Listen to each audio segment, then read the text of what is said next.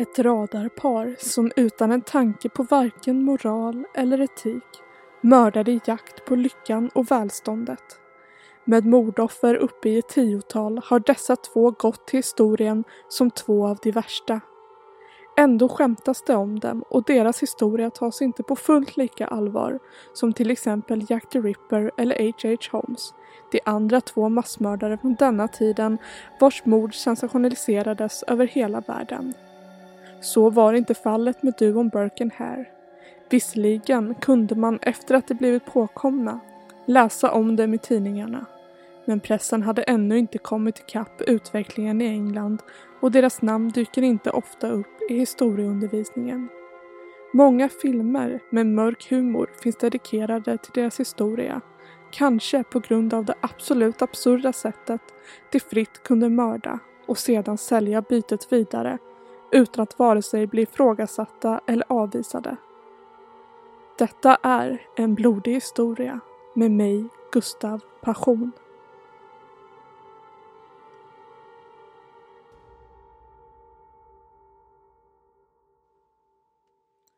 Efter 1823 i England rådde det en allvarlig brist på något mycket väsentligt. I alla fall om du var en läkarstudent eller anatomielev. Denna brist var lik, eller mer korrekt, färska lik. För 1823 klubbades en lag vid namn The Judgments of Death Act igenom och gick ut på att nu kunde man inte längre dömas till döden och bli avrättad för något annat än mord och förräderi. Innan hade det funnits 200 brott som man kunde dömas till döden för men nu innefattade allt förutom mord och förräderi endast fängelse och böter. Detta var bra för brottslingarna men visade sig bli en nackdel inom läkaryrket.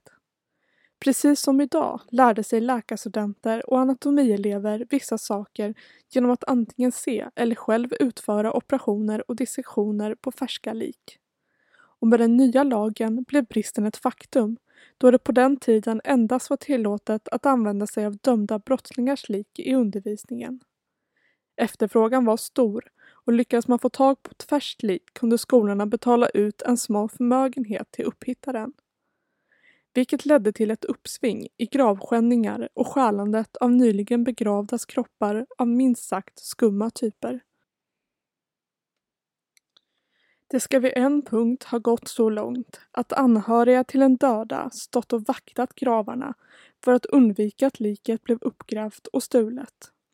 För ju färskare lik, desto mer betalt kunde du få och oftast frågas inte särskilt många frågor vid leveransen av färska kroppar. Och det tog inte lång tid förrän denna nya marknad utvecklades till något mycket värre och morbidare än så. Nämligen mord för egen vinnings skull. Och det är här Burke Hare kommer in i bilden. Paret som ska ha utfört mer än 16 mord under året 1828. Det var två irländare som flyttat till Skottland och lyckades bosätta sig på samma gata med bara ett par hundra meter ifrån varandra. Trots att de kom från samma område på Irland hade de två männen inte haft någon tidigare kontakt med varandra. Burke hade när han flyttat övergivit sin fru och två barn för att flytta in tillsammans med sin älskarinna Helen i Tanners Close i Edinburgh 1827. Harry drev i sin tur redan då ett hyreshus på samma gata med sin sambo Margaret Lard som han levde med som om de var gifta men de hade ännu inte bundit sig. De två männen möttes någon gång under tidigt 1827 och ska ha blivit vänner då de var i samma ålder och båda kunde relatera till att ha lämnat allt och flyttat till en ny provins.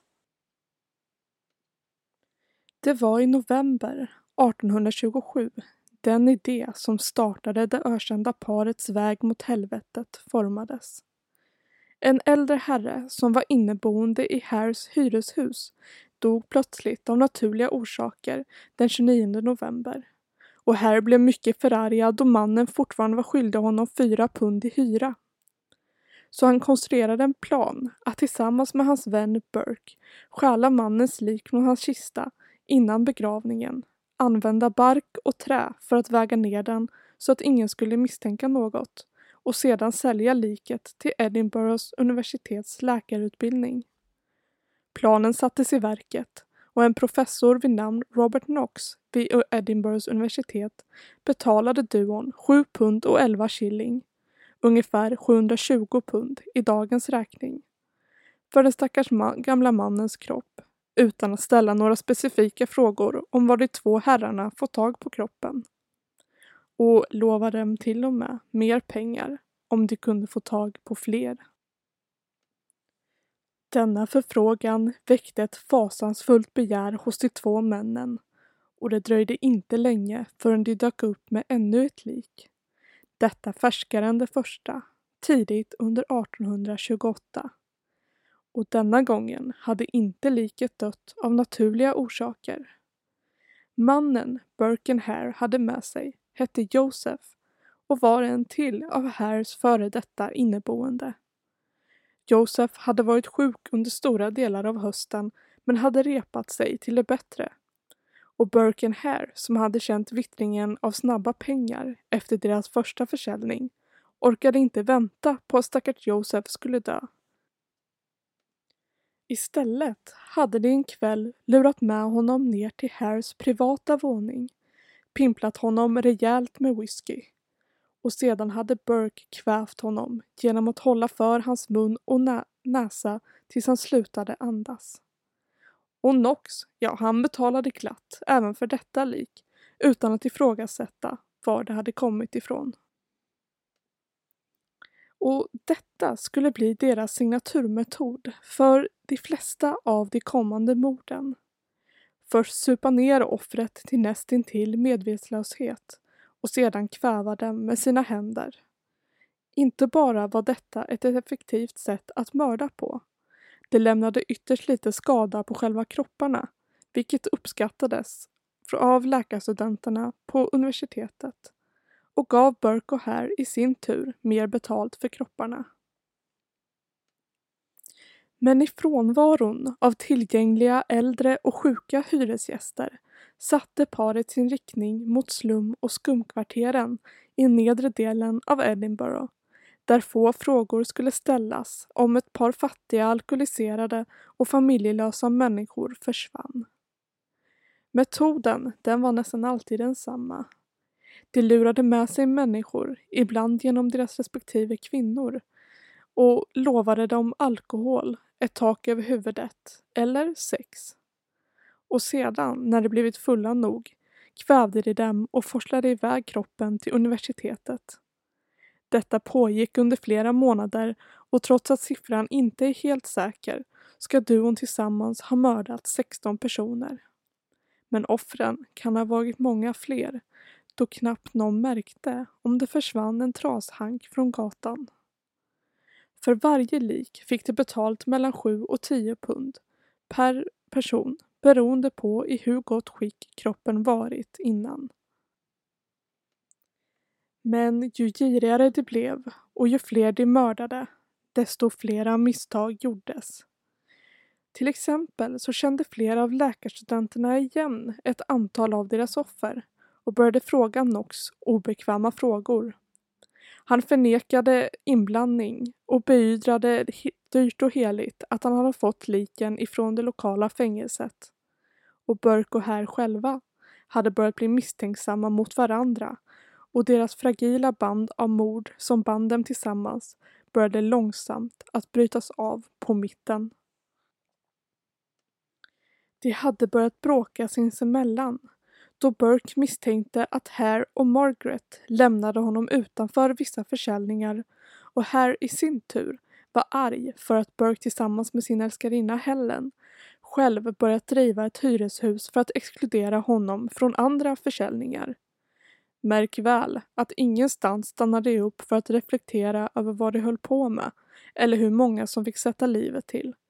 Nej, för detta mördande radarpar handlade allt om pengar och begäret efter mer. I alla fall så slutade deras mordvåg mycket snabbt och abrupt på halloween 1828. Deras sista offer skulle bli Marjorie Campbell Docherty som hyrt in sig hos Burke och hans älskarinna. Samtidigt hade Burke hyrt ut ett annat rum till paret Anne och James Gray. Men som kvällen mordet skulle äga rum ombads att tillfälligt flytta över till Hares hyreshus för att undvika att mordet upptäcktes. Detta slog slint när paret återvände till Burkes och började fråga efter Marjorie och fick förklaringen att hon hade blivit utkastad efter hon ska ha börjat hämningslöst flörta med Burke. Förklaringen accepterades för stunden men paret Gray blev återigen misstänksamma när de inte fick tillstånd att gå in i ett extra rum där de hade lämnat några av sina tillhörigheter. När Burke hade lämnat dem ensamma gick paret in i rummet och hittade Marjories döda kropp undangömd under sängen. Och när de konfronterade Helen ska hon ha försökt muta dem med hela 10 pund i veckan för att de skulle hålla tyst om hela incidenten och inte rapportera dem till polisen. Men paret Gray accepterade inte mutan utan gick raka vägen till polisen och gav dem ett vittnesmål. Polisen ryckte genast ut men när de kom fram till Burkes hus fanns kroppen inte kvar. Då Hare and Burke hade under tiden det tog för polisen att komma fram till huset forslat bort hennes kropp till professor Knox. Detta hindrade inte polisen att arrestera båda paren och snart satt de i varsitt förhörsrum och gav polisen flera olika historier om vad som hade inträffat under kvällen. Där Burke och Hare skyllde hela incidenten på varandra. Det tog sedan inte alls lång tid för polisen att hitta Knox och James Gray kunde ge en korrekt identifikation av Marjorie Dochertys kropp som redan befann sig i Knox föreläsningssal.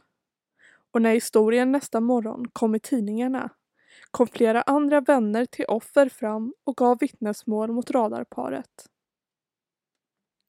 Att flera ägodelar som tagits från både Burkes och Hares hus tillhört deras anhöriga. Men polisen hade ändå inte tillräckligt med bevis för en fällande dom för de båda. Så de erbjöd Hare immunitet om han vittnade och sålde ut sin vän och hans älskarinna, vilket han gladeligen accepterade. Julafton 1828 var startskottet för vad som skulle bli en snabb rättegång. Redan nästa dag dömdes Burke för mordet på Marjorie och för två andra mord baserat på vittnesmål. Hans älskarinna, Helen, dömdes med för medhjälp på mordet av Marjorie men blev frisläppt då på grund av hennes kvinnliga kön dömdes inte tillförlitlig under skotsk lag. Burke blev dömd till hängning, vilket sedan tog plats den 28 januari 1829 framför en publik bestående av över 25 000 människor. Och efter hans död, vilket kan läsas som en mycket morbid utveckling, donerades hans kropp till medicinsk forskning. Än idag finns de makabra souvenirerna kvar av William Burke då hans skelett och dödsmask finns för alla att beskåda på Surgeons Hall Museum i Edinburgh. Vad som hände med den minst lika skyldiga Hare är man inte säker på. Bara att han på grund av löftet från polisen och vittnesmålen mot hans kompanjon släpptes fri i februari 1829 och flydde över gränsen till England. Sedan försvinner alla spår av Hares från historien. Ryktet menar att han drog sig tillbaka med undangömda pengar någonstans nära London. Andra säger att han på grund av sitt rykte ska ha blivit lynchad och förblindad av en arg folkmassa och tvingad att leva ut sina dagar som en stig tiggare på gatan. Men inget av dessa rykten har kunnat bevisas och här försvann helt enkelt från jordens yta. Båda deras respektive kvinnliga partners, Margaret och Helen, som också friades, flydde också Skottland för att börja om i Australien och Irland. Och kanske egentligen den största skurken av dem alla på grund av hans blundande och rationaliserande av de många mord han valde att varken rapportera eller stoppa frikändes även Robert Knox trots att allmänheten skrek efter även hans dödsdom. Och med sitt rykte helt i spillror flydde Knox till London för att försöka rädda sin dödsdömda karriär. På grund av dessa mord, utförda för egen vinst och vinning och med hjälp av ytterligare en liknande incident som tog plats 1831 i Bethnal Green, ändrades lagen om att endast få använda sig av kriminella för dissektion och operation i utbildningssyfte. The Anatomy Act som klubbades igenom 1832 i Storbritannien gjorde det nu lagligt att donera sin egen kropp till forskningen. Vilket gjorde att likbristen, som startat hela den morbida cirkeln och lett till tiotals människors död, var över. Och inte kan man mer än känna sig lite snoppen över hur händelserna och aktionerna av Burke och Hare utvecklade sig. Visserligen är detta fallet inte olöst utan finns mycket väldokumenterat och publikt. Men trots att det var Hares som först kom på idén att börja mörda för pengar och Knox som välkomnade kropparna utan frågor var det bara Burke som fick stå till svars och dömas för morden. Båda mer än troligt begick. Som i många fall där massmord är involverat finns det inga vinnare och knappt någon rättvisa att få tröst av. Dessa mord som historien inte bara inspirerat både böcker, filmer och tv-serier och haft stor impact på skräckromanens växande genre som populariserades under 1800-talet utan även tvingade fram en helt ny lag som många länder sedan följde exemplet av. Och än idag används lik inom utbildning och forskning, vilket definitivt inte är något fel om personen i fråga villigt donerat sin kropp till vetenskapen.